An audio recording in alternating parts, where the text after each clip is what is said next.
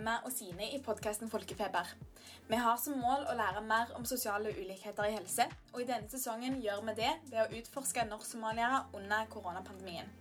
I siste episode svarer vi på dine spørsmål og kommentarer til tematikken, så send inn meldinger til oss på sosiale medier underveis i sesongen. Folkefeber har fått stipend fra Senter for bærekraftig helseutdanning.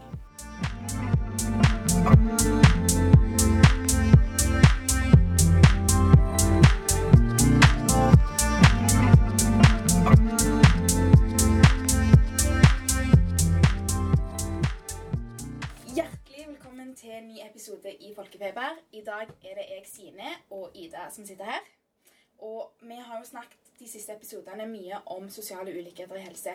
Og vi har sett på alle disse ulike arenaene og personene i samfunnet som har hatt noe å si for at Norsk-Somalia ble uforholdsmessig affisert av pandemien. Og forhåpentligvis har vi fått øynene opp for at noen har større sjanse for å bli syke enn andre av pandemien. Og sånn er det jo med flere ting i samfunnet. Så episoden i dag den er litt annerledes, fordi vi har lyst til å snakke om hvordan man kan bidra til endring.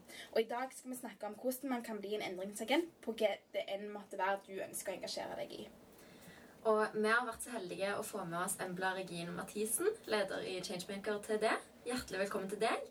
Eh, og du er altså 23 år og har leda Changemaker siden 2018. Stemmer. Eh, og da, hvis jeg har forstått riktig, så var du egentlig i gang med en bachelor i samskrive. Ja, jeg kom ikke så langt. En råsterk prioritering. Har gjort en veldig god jobb siden det. Eh, og i Changemaker da, da jobber dere for en bedre verden med å engasjere unge i de strukturelle årsakene til urettferdighet. Eh, og de jobber mye med kampanjearbeid og lobbyarbeid for å sikre at Norge får en bedre utviklingspolitikk. Stemmer. Veldig gøy å ha deg her.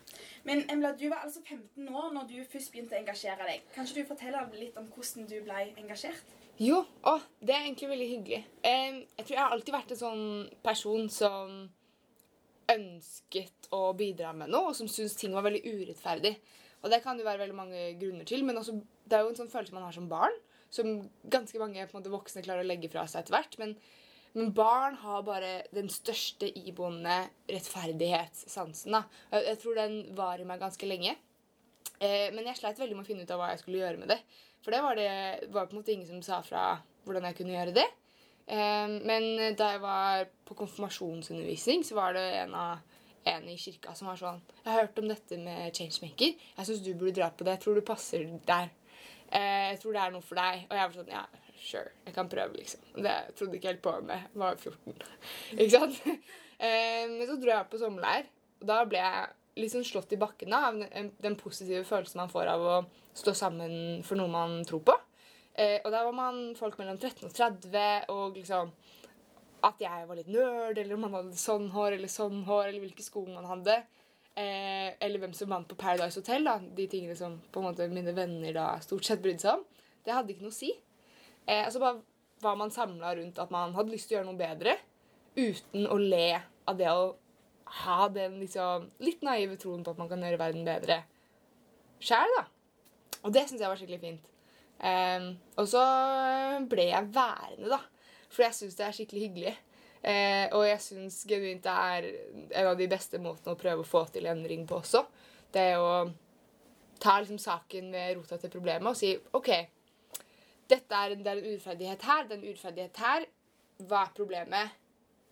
Hvem kan fikse det, og hva er løsningen? Og prøve å jobbe mot det målet. Syns jeg er skikkelig givende. Og så har jeg vært litt innom samfunnsgeografi, da. Men eh, stoppa fort med den. ja. Så kult å høre. Og liksom, det er så kult å liksom høre om den der ja, ja, rettferdighetssansen man har som barn, for den kjenner jeg vel, meg veldig igjen i. Men det er liksom ikke alltid at man gjør så mye med det. og jeg tenker sånn, for Du sier jo dette her med at en kanskje føler seg litt sånn naiv og liten. og Ja. altså Får kanskje typisk den av litt sånn 50 år gamle menn som er sånn Ja, du er en idealistisk ungdom. ja, mye av det, altså. hvordan, hvordan har du gått imot det? Du har jo ja, altså, hoppet av utdannelsen for å skikkelig drive med dette du brenner for. og jeg synes det er så Ja. Takk. Mm, det, jeg tror Da jeg starta da, som 15-åring eh, Da ble jeg også jeg ble vegetarianer da jeg var 14. Det var helt sykt rart. Det var 2011-10. ja. Det, folk var ikke så mye vegetarianere da. I hvert fall ikke i en mindre by eh, på en vanlig skole, liksom. Em, så første gang så møtte jeg egentlig mest motstand, opplevde i hvert fall jeg selv, da, fra vennene mine. Fordi det var liksom unormalt, det var ukult. Så det første liksom, steget er bare å være sånn Ja, OK, du syns jeg er ukul. Jeg syns Paradise Hotel er litt ukult. Du kan godt bry deg mer om det. Jeg bryr meg om internasjonale skattesystemer. um, så det første er jo det. Og så må man jo bare jobbe mer med det, for jeg tror den rettferdighetssansen og den, den urettferdigheten i verden, da, den blir jo ikke så veldig mye mindre. Det fins masse problemer å ta tak i. Men hvis man ikke jobber med det, og ikke ser at man får til ting, så er det sjukt lett å legge det fra seg. Fordi livet kommer i veien, da. Eh, men når man stopper opp og ser sånn Shit, jeg har gjort dette. Det førte til dette. Da er det bare det beste følelsen i hele verden. Og den eh, trenger man jo ikke å gi slipp på, eh, egentlig. Og det kan man jo gjøre også gjennom ting som dere gjør nå.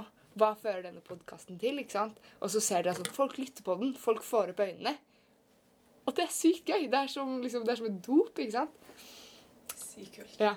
Er Har du noen eksempel på liksom en ting som du har jobba for, og så har det skjedd, og så er det dødskult? Ja, ganske mange, egentlig. Men um, kan for eksempel Det jeg ble mest uh, engasjert i da jeg var litt yngre, det var Norges våpeneksport. For vi selger ganske mye våpen til autoritære regimer og til diktatorer, liksom. Sjukt. Vi er en fredsnasjon. Så jeg fikk helt bakoversveis da jeg hørte det. Syns det ikke hang sammen med noe av det jeg har lært om Norge i samfunnsfagtimene. Eh, og da bodde jeg fortsatt i Tønsberg. Jeg drev med lokalgruppe, prøvde å få med mer aktivister der. Og så, etter jeg var ferdig på videregående, så flytta jeg til Oslo. Begynte å fortsette å jobbe med Changemaker. eh, Og jobbet ganske mye med det da. Og det tok ikke så lang tid før vi da fikk eh, stansa våpeneksporten til Saudi-Arabia f.eks. Så har vi stoppa den til Tyrkia eh, og jobber masse med det. Og man ser at det endrer seg. Og da lagde vi en stor kake på kontoret. stor marsipankake. Den kosta litt mye penger. Eh, med sånn bilde av fjeset til, sulta, til eh, altså, kongen i Saudi-Arabia. Med så stor sånn X over. og vi bare kosa oss og spiste den kaka. Og det er så fint, da, for det er, ting, jeg jobber jo med ting man ikke merker så veldig på kroppen selv. Eh, og det, det kan være vanskelig til tider. Men det er vanskelig å føle. Jeg merker jo ikke i hverdagen at vi selger mindre våpen til Saudi-Arabia. Eh, så man må minne seg på det innimellom. Man må minne seg på hva det fører til. Men jeg tror det er bare en del av det, liksom, den positive veien vi skal videre som samfunn. For å nå bærekraftsmålene og for å få en bedre framtid, så må man starte der man kan starte. da. Og for oss i Changemaker så er det å starte med liksom, hva gjør norske politikere? Hva er det vi selger? Det kan man endre ganske lett selv. Man trenger ikke å endre hele verden for å endre seg selv. Da. Og sånn gjelder det jo ja, som enkeltmennesker òg, på en måte. Man må ikke starte med å endre samfunnet. Man kan starte med å endre litt av seg selv, på en måte. Enten om det er vaner eller holdninger. Ja. For det er egentlig en veldig sånn ja, fint tema du er inne på der, fordi du er jo medlem i en stor organisasjon som Changemaker. Eh, men hvordan kan man som enkeltperson finne inngangsporter inn i å engasjere seg? Jeg tenker Det første er jo å identifisere hva du bryr deg om. Og det tenker jeg, det er ikke min jobb å si hva dere skal bry dere om. ikke sant? Det er ikke min jobb å fortelle andre hva de skal bry seg om. Men finne ut hva man brenner for. Og det kan være litt vanskelig å forstå noen ganger. Men sånn, ble, hvorfor ble du, s- hvorfor ble du liksom frustrert når dette skjedde på skolen? Eller hvorfor syns du det var urettferdig i den timen? Eh, identifisere det. Og så er Google et veldig fint virkemiddel hvis man har lyst til å finne flere som seg selv. Jeg, jeg tror det å melde seg inn i en organisasjon er kanskje det beste man kan gjøre da, hvis man vil bli mer engasjert. fordi man, da får man et kjempestort nettverk, og man får en veldig sterk gjeng i ryggen da, som kan være med deg og pushe og hjelpe til. Men det er også en veldig fi, fint sted å få informasjon. Eh, for det er på en måte, du finner ikke så mye informasjon om ja, eksempel det dere skriver om. da, ikke sant? Det er ikke så lett å bare som en enkeltperson finne sånn, å, jeg har lyst til å lære om hvordan, hvordan minoritet blir påvirket av korona. ikke sant? Eller ja, jeg vil finne ut av et eller annet om norsk våpeneksport. Det er ikke sånn at staten driver og skriver lange, lettleselige artikler om det. Så man må jo finne hvem er det som gir det til deg. Mm, så det tror jeg er et godt sted å starte. Og så frivillig.no har sånn veldig fin oversikt. Hvor du kan søke sånn Jeg vil bidra med tid, jeg vil bidra med Jeg kan kjøre, jeg kan lage ting. Og så kan du velge område. Så får du opp alt av frivillige muligheter i nærområdet ditt. Så det kan også være veldig fint. Det kan være alt fra liksom eldrehjem til politiske ting til speideren. Ja. Så utrolig gode tips. Og så deilig å høre at liksom, det er mye man kan gjøre bare som seg sjøl. Mm. For jeg kjenner i hvert fall sånn, i, i lys av det vi har liksom, holdt på med et par episoder nå, at det føles så Mm. stort. Ja. Og at man gjerne føler at det, liksom, «Åh, det er litt håpløst. Hvor skal, hvor skal jeg angripe dette? Hva kan jeg gjøre? Eh, og da er det sånn deilig å høre liksom, bare, ok, man kan begynne med seg sjøl. Man kan gjøre ting lokalt og jobbe seg oppover. Det er liksom på alle nivåer Mm. noe man kan bidra med. da. Ja. Så det er veldig deilig. Og det syns jeg er kanskje det viktigste, da, er jo bare hva, hva er det man har lyst til å gjøre som, som menneske? Da, man skal liksom bli for moraliserende og filosofisk. Men jeg har i hvert fall lyst til at sånn, hver dag så skal jeg i hvert fall ikke gjøre verden noe verre. Og man skal være med på å være liksom, en eller annen positiv del av verden. Og det kan være bare ved å sånn, eh, være ekstra hyggelig, da. Være en del av en, en mer vennskapelig del av samfunnet. ikke sant? Da er man med på å gjøre mye. Man er med på å gjøre mye ved å bare si liksom hei til folk noen ganger. Og statistikk viser også at de fleste har ikke blitt engasjert eller har ikke med på aktiviteter hovedsakelig fordi de ikke har blitt spurt. Ikke sant? Så, ikke, så ofte så handler det bare om å liksom invitere flere folk til å bli med. Og ganske ofte så vil de si ja. Um, og enten om det er liksom invitere noen til å ta en kaffe som kanskje ser litt ut som de er litt aleine i skolen, altså i timen, eller om det er å spørre en gang til noen man liksom behandler eller er venn med, så har det jo mye å si, da. Det er en type liksom aktivisme i seg selv, hvis det gir mening. Mm. Ja. Og så fins det masse fine strukturer og masse fine organisasjoner og ting man kan jobbe med langsiktig på, men det er jo Altså, det er jo kjedelig til tider, liksom. Det går jo sakte. Det er lov å si det. um, det, det gjør det, og det kan føles skikkelig skikkelig dritt. Jeg kan bruke veldig mange timer på liksom, veldig mange timer på å sende mail og prøve å organisere ting, og liksom bare for å ha møter for å på en måte bli møtt med ingen respons. da. Og det skjer. Eh, men noen ganger, det, noen ganger så skjer det ikke. Kanskje det er en brøkdel av tidene. Det er det kanskje. Men da, det bidrar fortsatt til noe, da. Så tror jeg, selv om folk er negative første gang de hører om ting, så bidrar det til at de tenker mer over det, og så øker man liksom en samfunnsbevissthet, da, sånn som dere gjør da. Og det er også med på at sånn OK, kanskje man ikke man får ikke noe politisk endring konkret fordi man snakker om dette, som dere snakker om på podkasten, men hvis man snakker om det, så bryr flere folk seg om det. Så ved et valg eller ved en lokal avstemning så kanskje noen har hørt på den, kanskje noen har hørt noen snakke om det, og så bare bidrar det til at folk kommer med politiske løsninger, da. Så det er ganske kult. Man kan liksom aldri håndfeste hvor mye endringer de kan si, fordi man Jeg tror det har sjukt mye mer å si enn det man klarer å sette fingeren på selv. Kult. Mm. Hvordan bruker man de negative opplevelsene hvis man på en måte blir avvist flere ganger? Ofte, du sier jo det at ofte så, så skjer det. Kan man bruke de opplevelsene til å liksom bli enda mer dreven og liksom Absolutt. Man må jo bare Det er jo bare en utfordring, ikke sant? Eh, hvis ikke de har hørt på noen andre, så kanskje man må finne nye metoder. Eh, man finner jo liksom da nye inngangsmåter. Kanskje man skal engasjere på en annen måte. Kanskje man skal ha en ny inngangsvinkel på problemet. Kanskje løsningen skal være en annen. Um, og det ser man også at funker. da. Vi er På våpeneksportarbeidet uh, så har vi jo lenge sagt sånn vi må slutte å eksportere til autoritære regimer, og det har vært på en måte vårt svar da, på, på problemet lenge. Men så ser vi også at det, det har virket litt vanskelig å få til. Uh, de har sluttet liksom, til enkeltdiktatorer, men, men det er litt vanskelig å på en måte bare legge på en ekstra, en ekstra forskrift opp, av de andre forskriftene. da. Eh, så istedenfor vi kommet med en ny løsning. Det er at de må sette ned et utvalg at det her høres tørt ut, altså. Men sette ned et utvalg som skal gjennomgå regelverket og komme med liksom, forslag til endringer. Og det er folk mye mer positive til. ikke sant? Og det kan kanskje få til mer endring eh, enn at man sier sånn dere skal endre akkurat disse to tingene.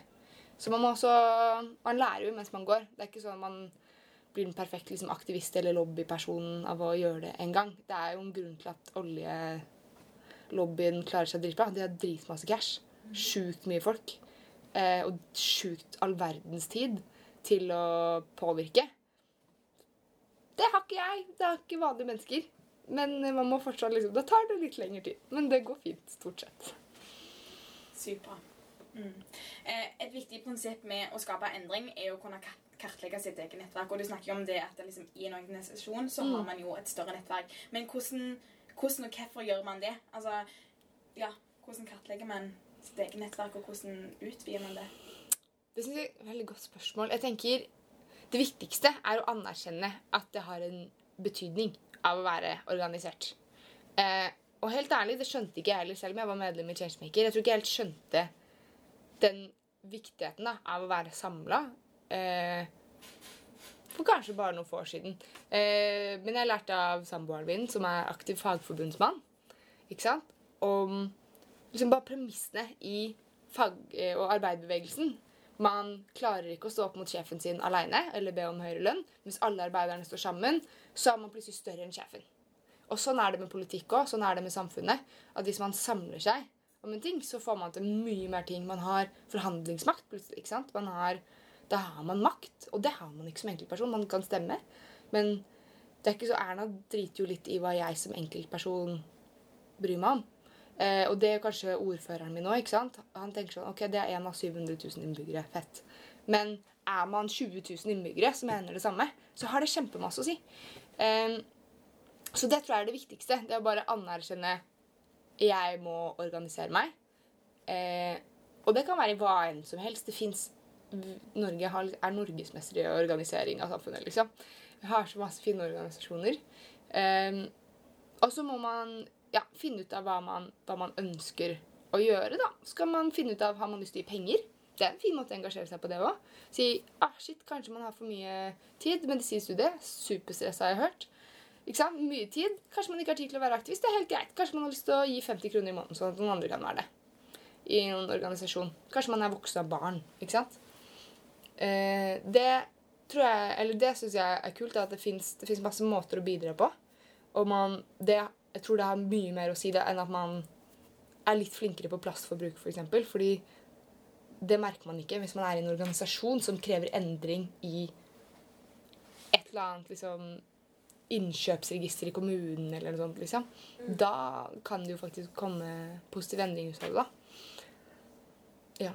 Ja, for det er jo, altså, som du sier, da, sykt viktig, for da, man er jo en stor kraft, og man har altså veldig mye man har mye å legge på bordet. Mm. Men jeg kjenner jo litt som du sier, altså, eh, som liksom 20-årig student Mm. og allerede liksom aktiv i en haug med foreninger og mye sosialt og jobb og alt dette andre man har lyst til å drive med selv om man synes noe er viktig, Mm. eh, så ble jeg litt sånn Ah, ok, Kanskje jeg ikke har tid til å være aktiv i en organisasjon, og kanskje jeg heller ikke har råd til å donere så sykt mye hver måned Mm. at det føles litt sånn lite viktig. Mm. Eh, men så er det jo sånn at altså 50 kroner i måneden er jo mye mer enn ingenting, selvfølgelig. Mm. Men er det noe annet man kan gjøre bare som, bare som seg sjøl, på en måte? Ja, absolutt. Jeg tror også det fins ofte mange ting man kan skrive under på, f.eks. Men det spørs helt hvor stort problemet ditt er. Ikke sant? Hvis du har lyst til å Hvis du syns liksom resirkuleringen på skolen din er dårlig, så kan du stort sett bare ta kontakt med skolen din og si det. Og, og kanskje hvis du undersøker litt sånn, hva er løsningen på dette problemet, så, så kanskje de også kan gjøre det. Mm. I Changemaker så jobber vi ut ifra det vi kaller for changemaker-metoden. em, som bare er basert på at man skal se hva er det underliggende problemet, hva er løsningen, hvem kan gjøre den løsningen. Fordi et problem i sånn politisk arbeid er ofte at man kan liksom skrike til feil folk. ikke sant? Det er ikke hvis man skriker til vanlige mennesker om, om flyreiser, kanskje, er det kanskje ikke egentlig løsningen problemet på klima, klimaproblemene. I hvert fall ikke hele. Man må kanskje skrike til noen andre folk. Eller kanskje sende mail til andre folk. Hvis man ser Ok, hva syns du er urettferdig? Er det sånn dårlig søppelkasser, eller var det dårlig svarstid på en eller annen tjeneste? Hva enn du er interessert i, spesielt lokalt, så er folk sjukt glad for at folk bryr seg. er så sjukt mange ting om det lokale byråkratiet som ingen bryr seg om. Eh, og hvis noen da sender en mail og er sånn Hei, du, jeg har opplevd dette. Kan, kan vi prate litt om det? Eh, jeg, eller sende en mail og bare sånn Hei, jeg syns dette er viktig. Jeg så dere skal ha en sak om eh, den, nye, den nye skoleveien, da. Til skolen, liksom. Eh, ofte så setter folk sjukt pris på det, spesielt hvis det er liksom ung, engasjert. Spesielt lokalt, liksom. Folk digger det jo. Folk digger jo at de bryr seg om den lille saken de jobber med i kommunen, f.eks. Hvis du sitter på et kontor aleine, litt sånn som et sånt kontor vi sitter i nå, så er det litt få som kanskje bryr seg om akkurat deg som rådgiver på arealplanlegging. Bare ta kontakt. tror jeg er en kul ting man kan gjøre. Og så kan man jo også snakke om det man bryr seg om. Det tenker jeg er det andre, da. veldig mye av samfunnsendring handler også om holdningsendring. Eh, det handler om å være en del av de samfunnsdiskusjonene man ønsker at samfunnet skal ha. da. Eh, møte folk med omtanke, ikke være troll på Facebook. Eh, og det er, er et kjempestort problem nå, liksom. Eh, vi har veldig mange frivillige som blir hetsa og sånn. Eh, det har vært ganske ille når vi har hatt skolestreik. Men å være en del av det bare med rundt bordet, det å si ifra hvis folk behandler folk urettferdig, si ifra hvis liksom, foreldrene sier noe som er ugreit. Den gamle være med på å liksom, lære opp de eldre også i altså det, det vi verdsetter i dag. Da. Det tror jeg også er en viktig ting man kan gjøre. Og så dele ting. Det fins ofte masse sånn bra organisasjoner, kronerullinger, underskriftskampanjer som ikke tar så mye tid, men som er sånn Jeg støtter dette. Ferdig. Nå skal jeg ikke bry meg mer om det. Det har jo noe å si. Det er kult at du sier for at man tenker jo at det, det ikke har så stor nytteverdi. Og så syns jeg det er veldig gøy at du liksom senker blikket til det lokale. Mm. Fordi, altså i alle fall sånn som jeg opplevde det, så er alle problemer på en måte på nasjonalt nivå. Det Ja. ligger hos regjeringen. Om det ikke er globalt. Liksom. Ja. Det er jo internasjonalt. Og, ja. Og så føles enormt stort. Men som du sier, da, det er mye man kan gjøre på lokalnivå. Så tenker jeg jo at eh, hvis naboskolen min hadde fått en sjukt bra endring som jeg også kjente jeg brydde meg om, Ja. så hadde det liksom vært mulig plutselig. Ja. Og veldig tilgjengelige altså endringsmetoder som hadde lett å adoptere. Så det gøy at man får liksom belyst at det er ulike nivåer å jobbe på. da. Mm. Og det er I Changemakers jobber vi jo med globale problemer. Så da jobber vi veldig mye opp mot regjeringen, fordi mye handler om statsbudsjett, for eksempel. Mye handler om bistandsbudsjett. Eh, men det er ikke alt som handler om det. Eh, jeg er så nerd at eh, jeg også bryr meg veldig mye om offentlige, offentlige innkjøp. Så kommunen er en av de største innkjøperne i samfunnet. ikke sant? De kjøper, tenk hvor mye kaffe de kjøper. Eh, jeg sitter i styret til Fairtrade-hovedstaden Oslo ved siden av Changemaker, som er det er bare Oslo har satt mål om at kommunen, offentlig og innbyggere skal handle mer fair trade. Ikke sant? Det er kult. Kan da, så kan kommunen kjøpe mer og mer fair trade-kaffe. Det har sjukt mye å si. Fikk man liksom en ny avtale om at så og så mange prosent av tøyet til sykehusene skal være etisk bomull. Ikke sant? Det virker ikke sant? Det er smalt. Men det har også noe å si, da. Hvis man får liksom alle store aktører til å, til å legge om litt i den retningen man syns er viktig, mm. så får man jo til ting. Eh, men man må nøle litt da, på sånne rare sakspapirer og sånn. Det, det fins mye rart ute i Kommune-Norge. Eh, men det fins også ekstremt masse saker å bry seg om og gjøre endring på. Jeg brydde meg masse om liksom, som elevrådsleder, f.eks. Eh, gikk på en veldig liten skole. Eh, det var ikke så mange elever, så det var ikke så sjukt å være elevrådsleder. Ja. Eh, men eh, da jobbet vi jo masse med hvordan kan vi forbedre seksualundervisning på skolen vår. Mm. Eh, for dem syntes jeg var dårlig. Og da var vi sånn, da krevde vi mer det. Og så var de sånn OK. De hadde ikke gjort det sjøl. De sa ja når vi spurte. Mm. Det er kult. Ja. Ofte er det jo bare å legge merke til et problem og få sagt en halvveis enkel løsning. Da, noe som er mulig å implementere uten at det krever så mye. Ja. Og det er veldig gøy at du sier at spesielt på lokalnivå at folk er så mottagelige for det en har lyst til å si. For jeg skjønner jo veldig godt at når man sitter på et kontor, eh, at man liksom er veldig glad for at folk engasjerer seg. Men jeg kan ofte føle at jeg er litt sånn masete hvis jeg liksom skal hele tida peke på problemer eller liksom ja, Mm. sende mail og sånne ting. Men eh, du sier jo sjøl at det er jo så sjukt mye å engasjere seg i. Hva velger man? Altså Du må velge det man syns er viktig. Eh, det syns jeg Altså, jeg vil jo personlig anbefale noe som er liksom i tråd med bærekraftsmålene. Det er det jeg brenner mest for. Men også innenfor deg så er det jo utrolig mange liksom, inngangsmåter. Jeg har jobbet litt med god helse og eh, helsetilgang globalt. Og det er også sykt spennende å jobbe med, men det er kanskje litt vanskeligere å jobbe med her. Så jeg tenker hvis man skal starte og eh, bry seg om ting eller prøve å få til en endring, så kan det være svart å starte med noe som er litt mindre. Starte med noe som er overkommelig. Lære litt, lære litt om hvordan prosessen funker. Enten om det er alene eller i en organisasjon. Og så kan man da se liksom sånn OK, ja, sånn funker det. Og så får man jo sykt mye Jeg får, jeg får sykt mye motivasjon av å liksom gjennomføre et møte eller føle at det går bra, da. Um, og det har vi sett også. Vi har hatt sånn kampanjeskoleringer for eh, en gjeng på folkehøyskolene hvert år. Eh, og da har vi tatt den hjem liksom aktivist-kampanjekursing på en uke. Så vi hadde valgt tema fra forhånd, på forhånd. Vi startet liksom dag én. Skolering i tema. Skolering i problemet, skolering i løsningen. Eh, og så får vi de til å si sånn OK, hvordan skal vi få Da Ålesund kommune var vi. Hvordan skal vi få Ålesund kommune til å, til å til å si ja til denne løsningen vår. Og så bruker de noen dager på å lage plakater, sende ut pressemeldinger. Så hadde vi aksjon på fredagen. Så kom folk fra byrådet. Så noen måneder etterpå så fikk jeg melding. Ja, da er det vedtatt. Ikke sant? Det er kjempegøy! Og folk blir så engasjert i det òg. Og så er det ikke alltid det er så lett. Det er det jo ikke. Men det kan jo være veldig greit. Mm. Men så tror jeg også en viktig ting da, når man skal velge problem, på en måte, er jo også å alltid ha en løsning. Fordi det er veldig irriterende hvis folk driver og bare sender deg mail om hva som er problemet, eller bare klager. Det er ikke noe gøy. Um, Changemaker er veldig bevisst på det i måten vi jobber på. At vi prøver å heie løsninger fram og si sånn Hei, du, du kan gjøre en sykt bra jobb for denne kommunen. Fordi dette her er jo litt dumt nå, men hvis du gjør dette, så blir du sjukt bra, og så kan du bli en helt. Eh, og folk elsker å være helt. De hater å være kjeltring. Eh, og det er supermenneskelig. Og disse folka er jo mennesker. Også, også ministre.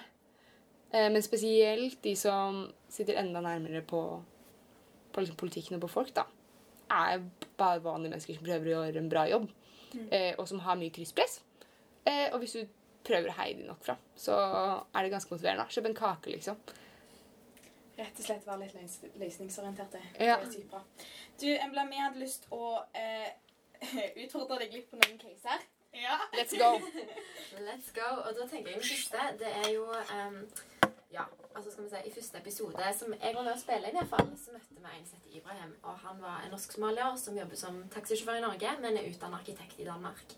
Og som har smitta eh, med korona, da. Så vi intervjua han liksom for å få et pasientperspektiv. Og utforska hvordan det var å være smitta. Mm. Eh, og jeg kjente at sånn, jeg i hvert fall ble veldig overraska mye av det som kom fram. Altså, Jeg har jo vært så heldig at dette er jo ikke min egen erfaring. på en måte. Eh, men det han da opplever, sånn som jeg forsto det, er at det norske helsevesenet diskriminerer norsk-somaliere og mener at eh, og Han mener da at samfunnsgruppen underdiagnostiseres, eh, ikke henvises nok og rett og slett ikke blir helt trodd av legene, eh, basert da på, på etnisitet. Eh, og eh, ja, hvis dette er realiteten for deler av samfunnet vårt, så kjenner jeg at jeg blir altså sint og jeg har lyst til å skape endring. Og er sånn fortvila. Fordi at det, ja, Som jeg sa tidligere, da altså, Hva kan jeg gjøre som bare lille meg? Sant? Og før jeg gjerne begynner å organisere meg eller har mulighet til det Mm. eh, i et liksom, problem som dette. Det, sånt er vanskelig, spesielt når det er sånn stort helsesystem. Men jeg tror det er mye man kan gjøre hvis man går til eh, med, snakker med en lokalpolitiker. Er det noen som sitter i, i posisjon i, liksom, din, i bydelen din? Eh, kanskje han kan gå til Ja, om det er liksom Ullevål er ikke en bydel, er det det? Jo. Nei, Det er faktisk ikke sikker på. Nå det. du to stykker som ikke Ja. Jeg ikke, Nei, nei, jeg skal ikke uttale meg. Ja, uansett, ikke La oss si denne Sofien Nei, Grünerløkka bydel, ikke sant? Hvis det er der du bor, da. Eh, snakk med noen, prøv å sende en mail til de som er der. og Vær sånn Hei, nå har jeg opplevd dette, jeg har noe bevis på det. Er det noe vi kan gjøre politisk? Eh, og så kanskje jeg svarer nei, kanskje det ikke er en politisk sak. Kanskje det betyr at det er en mer sånn institusjonell sak. Det finnes jo også ofte råd og som man kan kontakte. Eh, enten det er å sende inn en klage. Eh, men gjerne også da kanskje med en løsning. Da. Se om det er sånn, kan man opprette Er man gira på å opprette liksom et råd, da, eksempel, av et, eller et utvalg av norsk-somaliere som skal se på saken og dele sine historier og lage en rapport til sykehuset, kanskje? Kanskje det er en idé? Um, og bare få- få med seg noen støtte. Enten det kan være det kan være tillitsvalgte i fagforeningen på sykehuset som, som jobber på bakken, og som, som også ofte er veldig, em, veldig motiverte til at arbeidsplassen skal, skal være bra. ikke sant? Også skal, at den skal yte tjenesten og servicen riktig. Så jeg tror det er mange sånne ting man kan gjøre. Men man må være litt, sånn, man litt kreativ. Ta liksom en brainstorming session og være sånn hvordan, hvordan kan vi gjøre det? Og så vil man aldri kunne liksom endre hele verden på et blunk. Eh, institusjonell rasisme kommer til å finnes på en måte i veldig lang tid fremover. Akkurat som ah, veldig mye annen diskriminering, dessverre. Men hvis man setter seg litt mer oppnåelige mål, hva er sånn, kanskje vi kan få ned dette utvalget, denne, få den rapporten skrevet, for denne an, kanskje man kan få en ansatt som jobber med det, og setter seg sånne mål, så er det litt lettere å jobbe mot.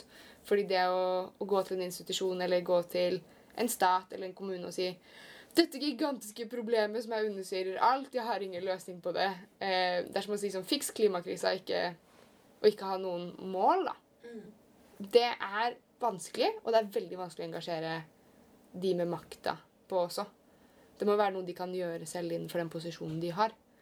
Hvis, ikke, hvis løsningen er for avhengig av at de skal samarbeide med FN, da, eksempel, eller hele Sykehus-Norge, eller at det egentlig er Bent Høie sin jobb, da spør man jo feil person. Eller så er det for stort. Mm. Men Ish. vi har jo ikke disse her opplevelsene sjøl. Hvordan, hvordan virker det inn? tenker du? Er det, er det oss som skal engasjere oss? Er det Ibrahim som skal engasjere seg? Hvem skal alle engasjere seg? Alle kan engasjere seg. Det er jo eh, lov, det. Eh, jeg, men jeg tenker nok det er kult å få med Ibrahim, da. Nå kjenner jeg ikke Ibrahim i det hele tatt, eller jeg har hørt hva han har sagt. Men eh, hvis man kan sende en mail til han og være sånn Hei, vi fikk den ideen. Hvis du er gira på å gjøre en endring, eh, så kan man jo oppfordre andre til å engasjere seg. Det tror jeg også er en viktig del av å være engasjert. da, er å si å, syns det var urettferdig, og hjelpe folk med de virkemidlene man trenger. Eh, for å gjennomføre den endringen man vil ha. Fordi man, hvis man jobber mye, kanskje man ikke har bodd i Norge så lenge heller, sjukt vanskelig å forstå hvordan offentlig støtte til organisasjoner og stiftelser funker, liksom. Det, det er helt lov å ikke forstå. Eh, Man må sette seg litt inn i det. Kanskje man kan sende mail til frivillig.no. Kanskje man kan legge ut en post. Få med seg flere. Jeg vil tippe det er en stor, eh, stor gjeng som er gira på å jobbe med det. Som kontakt eh, Kanskje et ja, parti i bydelen som har lyst til å ha det som en kampsak, liksom. Det hadde også vært kult.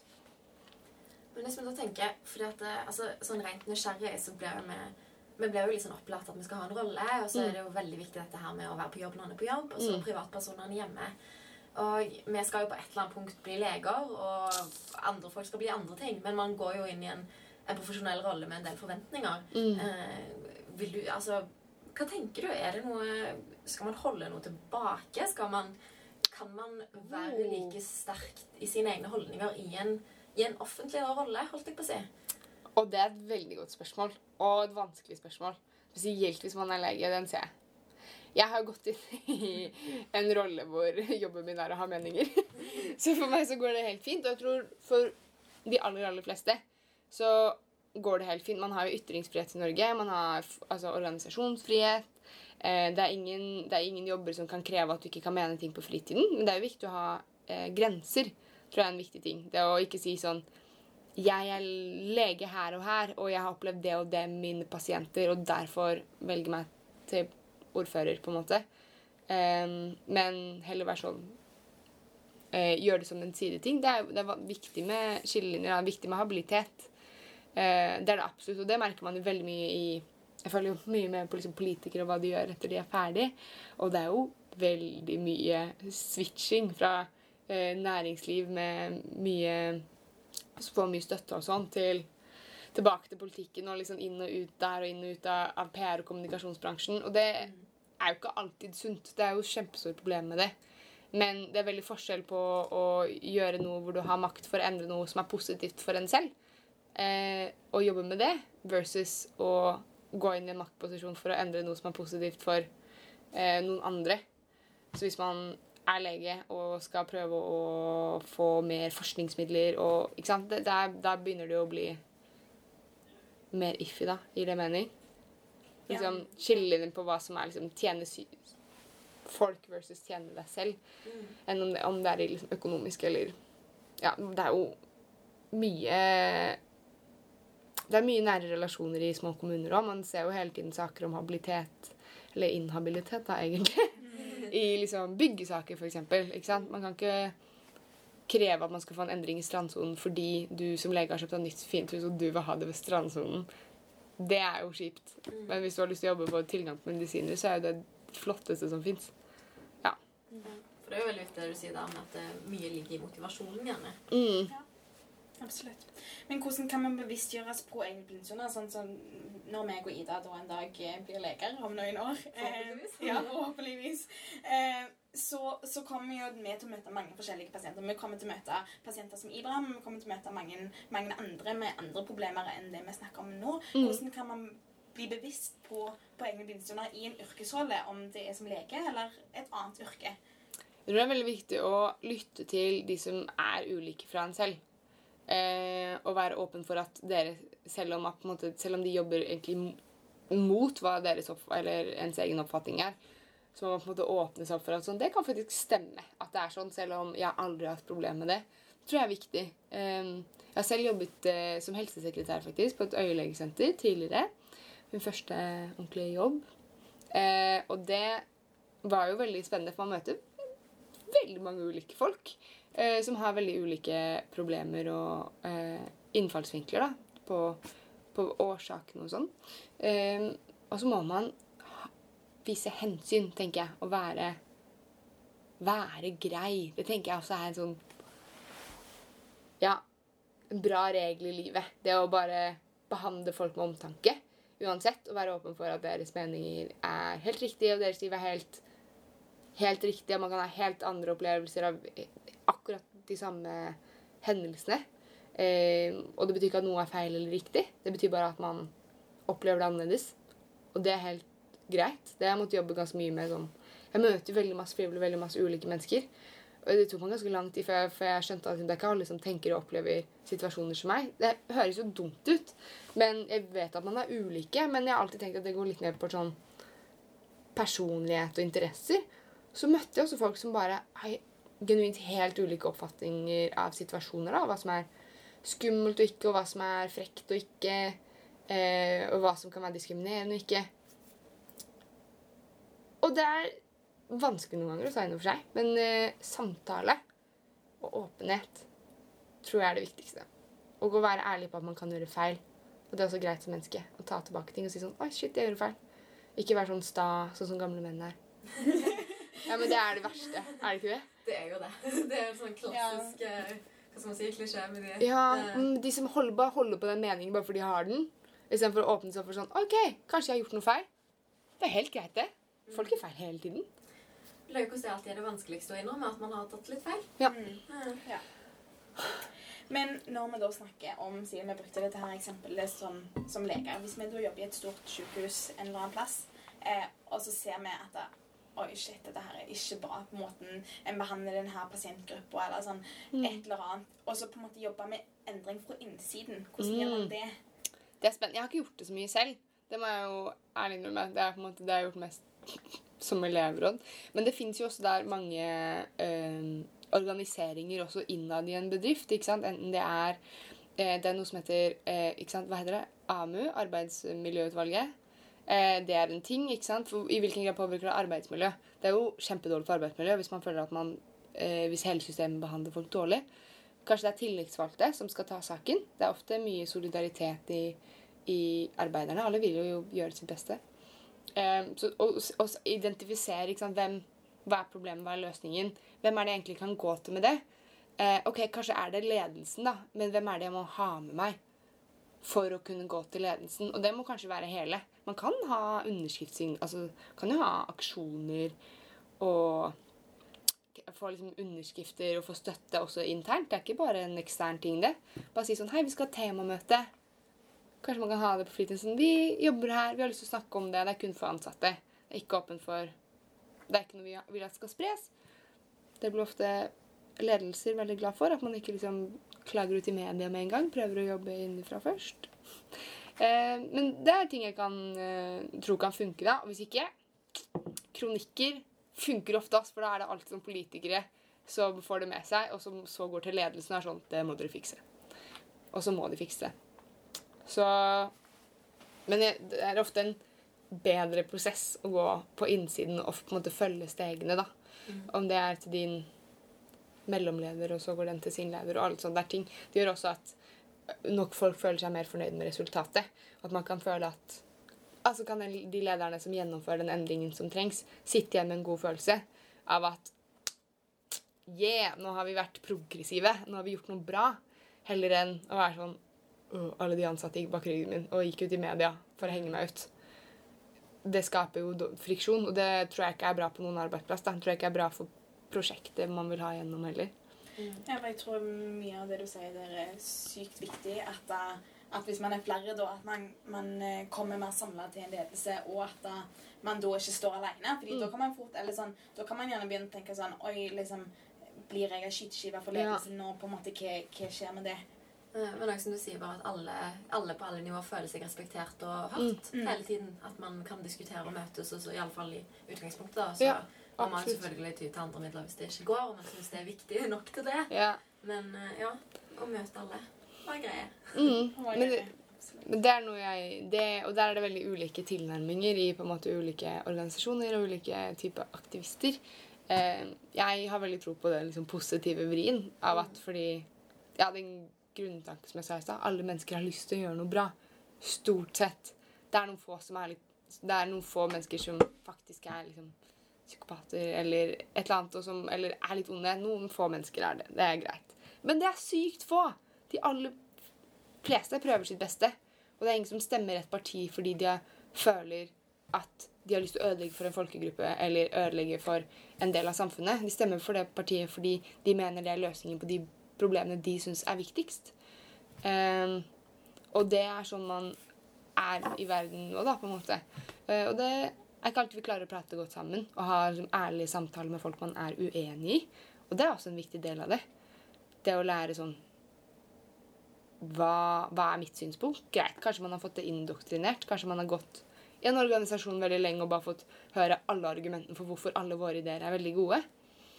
Men man blir ikke en god debattant eller en god forkjemper hvis man ikke veit hva, hva er de potensielle negative effektene av det.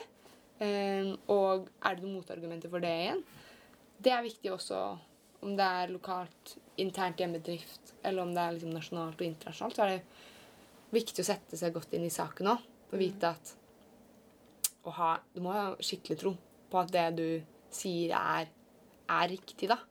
Uten å si det på en måte som gjør at folk blir fornærma hvis de ikke vet det fra før av. Det tror jeg er viktig. Hvis, folk, hvis man blir sånn 'Vet du ikke det?' ikke, blir ikke folk noe glad. Helt sant. Som siste case embla så lufter vi blikket litt. Eh, Moria. Ja. Bare for å dra den helt ut. Vi har snakket eh, mye, vi som lager podkasten, om, om flyktningleiren i Moria. Og eh, det er jo ikke så lenge siden det var en forferdelig brann. Og så her sitter vi og ser på. Eh, man kan kjenne seg litt hjelpeløs. Eh, det er ganske langt vekke. Eh, hva kan vi bidra med? Hva kan vi gjøre uten politiske partier og organisasjoner og store pengesummer? Hvor, hva gjør man? Og jeg bare tenker litt sånn, Vi trenger ikke gå inn på liksom det rent politiske med liksom om det er 50 eller 500, eller ditt og datt, men mer bare sånn som et eksempel på noe der det i hvert fall virker som det er stor enighet om at det er grusomt i samfunnet, Mm. men som vi liksom ikke har så mye tiltak for. Mm. Jeg tror Uten å bli for politisk, så tror jeg det handler også om at det er en veldig fin Det det er jo ikke fint. Hmm. Det er, veldig, det er et veldig godt eksempel på noe som er helt sjukt urettferdig, og som er fucka. Beklager språkbruken, men det er fucka, ikke sant? Um, og det tror jeg alle kjenner seg igjen i. Det blir mye nærere. Det er i Europa. What? Um, det å bruke det som en samtalestarter med folk som kanskje ikke har satt seg så inn i flyktningpolitikk, f.eks., eller som ikke har satt seg så inn i hvordan ting går med verden. Det, det er også en veldig fin mulighet der å si sånn Ja, men dette skjer. Hva, hvordan, hvordan, påvirker, altså, hvordan påvirker våre handlinger i hverdagen problemer som dette? Der kan man gå og se liksom, hva, hva er det man gjør i sin hverdag, eh, med sin liv, med de valgene man tar som kan bidra positivt eller negativt til det. Og det er jo veldig få ting vi gjør direkte som enkeltpersoner som gjør at folk blir dratt, blir, ender opp på flukt. Men det er også kjempestore korrelasjoner mellom klimakrise og konflikter, f.eks. Og spesielt i økende grad fremover. Det, det er mange, mange, mange millioner klimafordrevne, f.eks. Eh, de blir ført til flukt i høyere grad fordi det blir tørke. Og da flykter de. Og i tillegg, når det blir tørke, så blir det matmangel. Da fører det også til faktiske væpna konflikter. Fordi det er ikke nok ressurser til folk igjen. Og så flykter flere folk. Så man kan også knytte sammen sånn OK, men klimakrisa, det forverrer også dette. Hva, hva, hvordan bidrar jeg der? Um, så det tror jeg det ene. Og så er jeg også en sterk uh, kjempe for at politikk er dritviktig. Uh, og det her handler også om å bare minne seg sjæl på dette når man stemmer neste år. Ehm, for dette er en, en, en ting man kan si 500 eller man kan, Det er hva som helst fra spesifikt Moria, men dette er ikke et Moria-problem. Dette er et flyktningsproblem. Både hvordan man omtaler problemet, men også hva man gjør, som Norge og som andre land. Um, og det å anerkjenne at dette til syvende og sist handler om Norges flyktningpolitikk, det er viktig. Uh, og det å anerkjenne hvis du syns dette er jævlig, da må du stemme på et parti som har bedre flyktningpolitikk enn det regjeringa har nå. Det er også ganske lett svar på det. Hvis du syns det er ille å se på 13 000 folk i en flyktningleir, da må man også stemme sånn. Eh, trenger ikke å bli aktiv i et parti for å gjøre det, men husk å stemme på de folka som har bedre løsninger, da. Eh, og som ikke er kjipe når verden bokstavelig talt brenner. Eh, for har vi, vi har altfor mye penger til å gjøre det. Og det er litt sånn fint som du sier, for at det ofte så føles i hvert fall for min del da, dette som liksom en sånn lyn fra klar himmel, nesten. Mm. Altså, det er jo ikke at vi ikke har opplevd lignende eller er klar over at det er urettferdigheter rundt. Mm. Men det kommer liksom som, som plutselige enkeltsaker, og så får man Mm. så god pause at man, man husker gjerne ikke så lett eh, at det er en del av en større politikk. Mm. Så det syns jeg, liksom, jeg var en god påminnelse, egentlig. At Ja, eh, her, her ligger det noe mer grunnleggende. Og det- Og det er det jeg syns er fint med måten vi i Changemaker jobber på. Vi ser OK, hva er problemet med mora? Er det 50 eller 500? Nei, det er ikke det. Det er flyktningpolitikk. Ikke sant? Det er, det er økt militarisering av samfunnet. Det, det er jo man må, man må ta litt lengre Det er litt lengre slutninger, men det er viktige slutninger. Fordi konsekvensen av sånn vi driver samfunnet på, storsamfunnet sånn på en helhet, det fører til mer ulikhet, f.eks.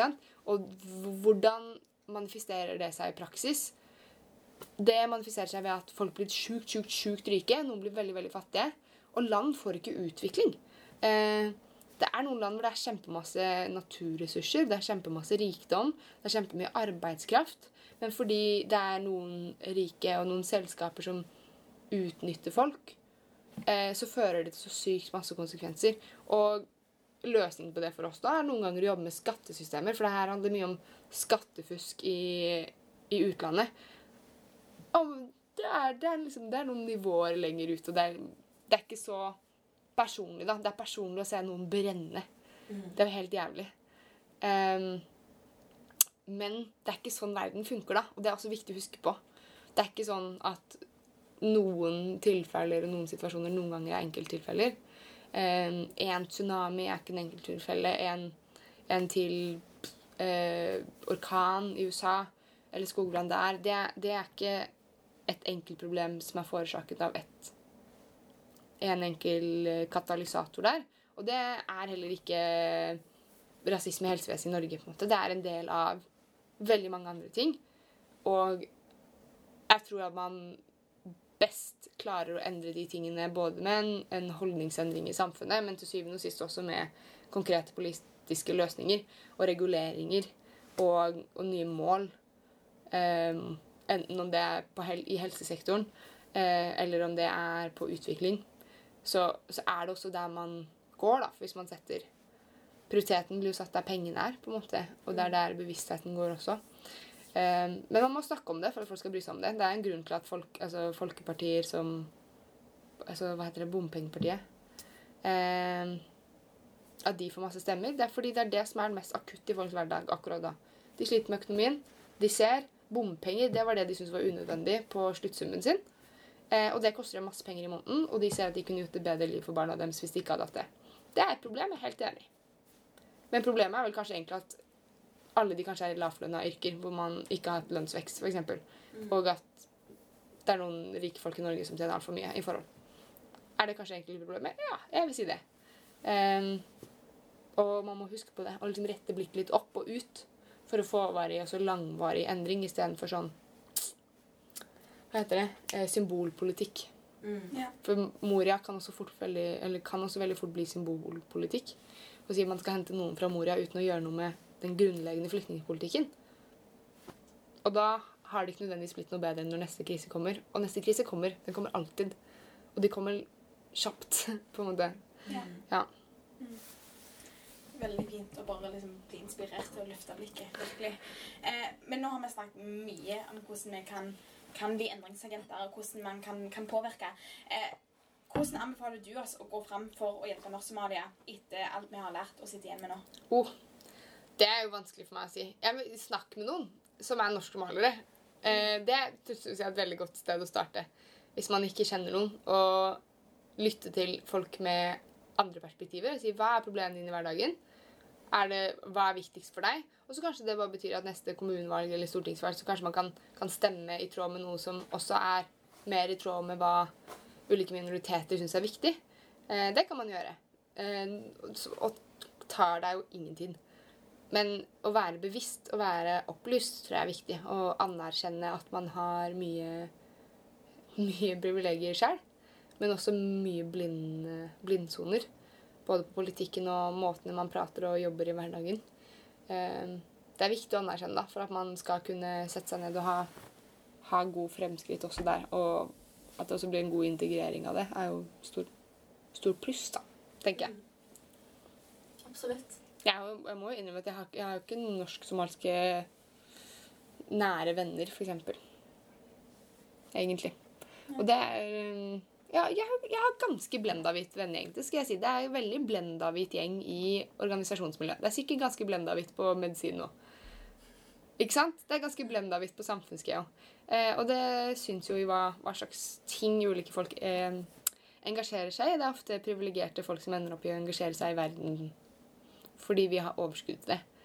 Ja, for det er jo det med det du sier da, at vi gjerne har mer kapasitet og tid og midler, rett og slett ressurser, både personlig og mer strukturelt, til å, til å bruke tid og krefter på å engasjere seg. Ja, Så da er det jo, ja, sånn som du sier, fint å Altså, ja, tusen takk for så mange inspirerende tips og, og muligheter, holdt jeg på å si. Mm. Eh, for særlig for oss da, så sitter vi jo litt sånn Ja, OK, her sitter vi helt litt, og hva kan vi gjøre, liksom? Er det, er det riktig at det er vi som skal gjøre Mm. det òg? Forstår vi egentlig problemene? Ja. Eh, og ja, så Nei. Mm, veldig fint.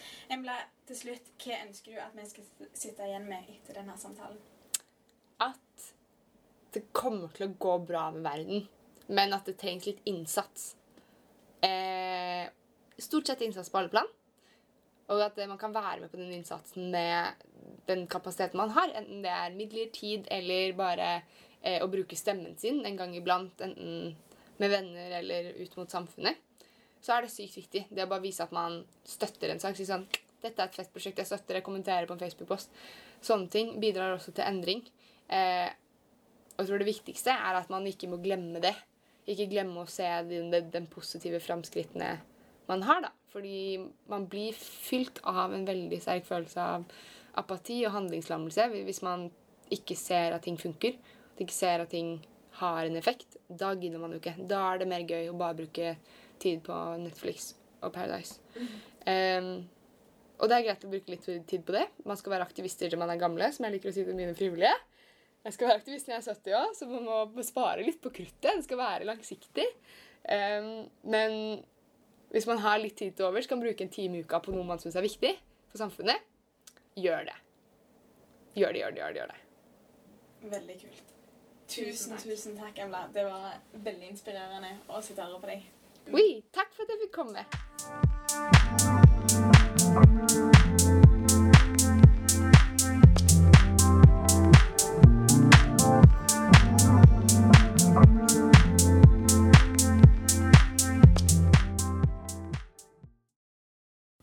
Syns jeg var veldig inspirerende å høre på. Embla har virkelig erfaring innenfor dette her og hadde masse gode tips. Eh, Jeg synes det var skikkelig ja, så, som du sier, skikkelig inspirerende rett og slett, og, og motiverende å måte få høre eh, fra ei som er så dyktig og har gjort så mye og oppnådd så mye at det, Mm. det er mye en kan gjøre, men òg bare som seg sjøl. Ja, ja. Og det tenker jeg er litt viktig, fordi man har liksom ikke kapasitet, og man har ikke penger, og man har ikke tid til å liksom engasjere seg i alt, selv om det er mye som man syns er viktig. Um, men at det går an å gjøre ganske, ganske små ting som ikke tar noe tid eller penger eller noen ting, eh, men som òg har, har en effekt, da. Um, og at det går an å jobbe så bra på lokalt nivå, syns jeg var, var veldig gøy. Ja, særlig den siste, at eh, jeg føler ofte det blir så håpløst. Problemene blir så store og så langt vekke og så ekstremt omfattende og politiske. Og Ja. da, da kunne vite at man kan begynne lokalt eller lite, og, altså skape små endringer som fører til store ting, eh, det syns jeg var veldig deilig å høre. Ja. Og ja, fikk meg til å begynne, ville begynne å, å prøve, rett og slett, uten Absolutt. at det føles for mye. Mm. Og så setter de jo i gang noen prosesser. Hvordan kan vi på en måte jobbe videre med eh, Norsk-Somalia under koronapandemien på en måte som en, som en sånn større et større problem, da. Em, måten de ble affisert på, og hva, hvordan kan vi påvirke um, inni de organene som har noe med dette her å gjøre. Uh, det går an å begynne lokalt. Vi kan begynne på Oslo-nivå. Vi, kan, eh, vi, vi lager podkast og snakker om det. Forhåpentligvis så sprer det noe informasjon. Det er jo det vi har lyst til. Um, men ja, at vi kan begynne å tenke på hva kan vi gjøre videre for, for å skape endring, da. Ja, for det er jo sånn sett veldig motiverende for de siste episodene nå, og, eh, og lanseringen av podkasten at, eh, at bare en holdningsendring og en kunnskapsspredning er viktig. Eh, Men òg det, det hun nevnte i forhold til når vi diskuterte Moria så vidt, at, eh, at man, man blir minnet om at dette her er et strukturelt problem på et, på et dypere nivå enn bare liksom akkurat norsk-somaliere og i helsevesenet. At Ja. at det er noe annet å angripe, for det føles jo også som, samtidig som et veldig stort problem, så samtidig et veldig lite. Ja. Og veldig snevert. Og kanskje ikke Ja, det kan være vanskelig å angripe da for oss som står utenfor. Eh, så jeg syns det var en fin påminnelse å få at eh, her er det dypere strukturer man kan gå på og, og jobbe med. Mm. Og hva er det som egentlig påvirker helse? Det er jo, det er jo så mangt, men jeg, men jeg håper, håper virkelig at da vi har fått utforska en del av de tingene i podkasten. At, at det er mer enn biologien som påvirker det. Mm. Vi gleder oss til siste episode. Eh, Den eh, kommer til å være litt annerledes. Det er en eh, spørsmålsepisode fra dere som jeg bare har lyst til å minne en gang til om at dere kan sende inn spørsmål enten på mailen vår folkefeber.gmail.com eller på Instagram eller Facebook. Og så gleder vi oss til å prate om de tingene som dere lurer på. Vi snakkes.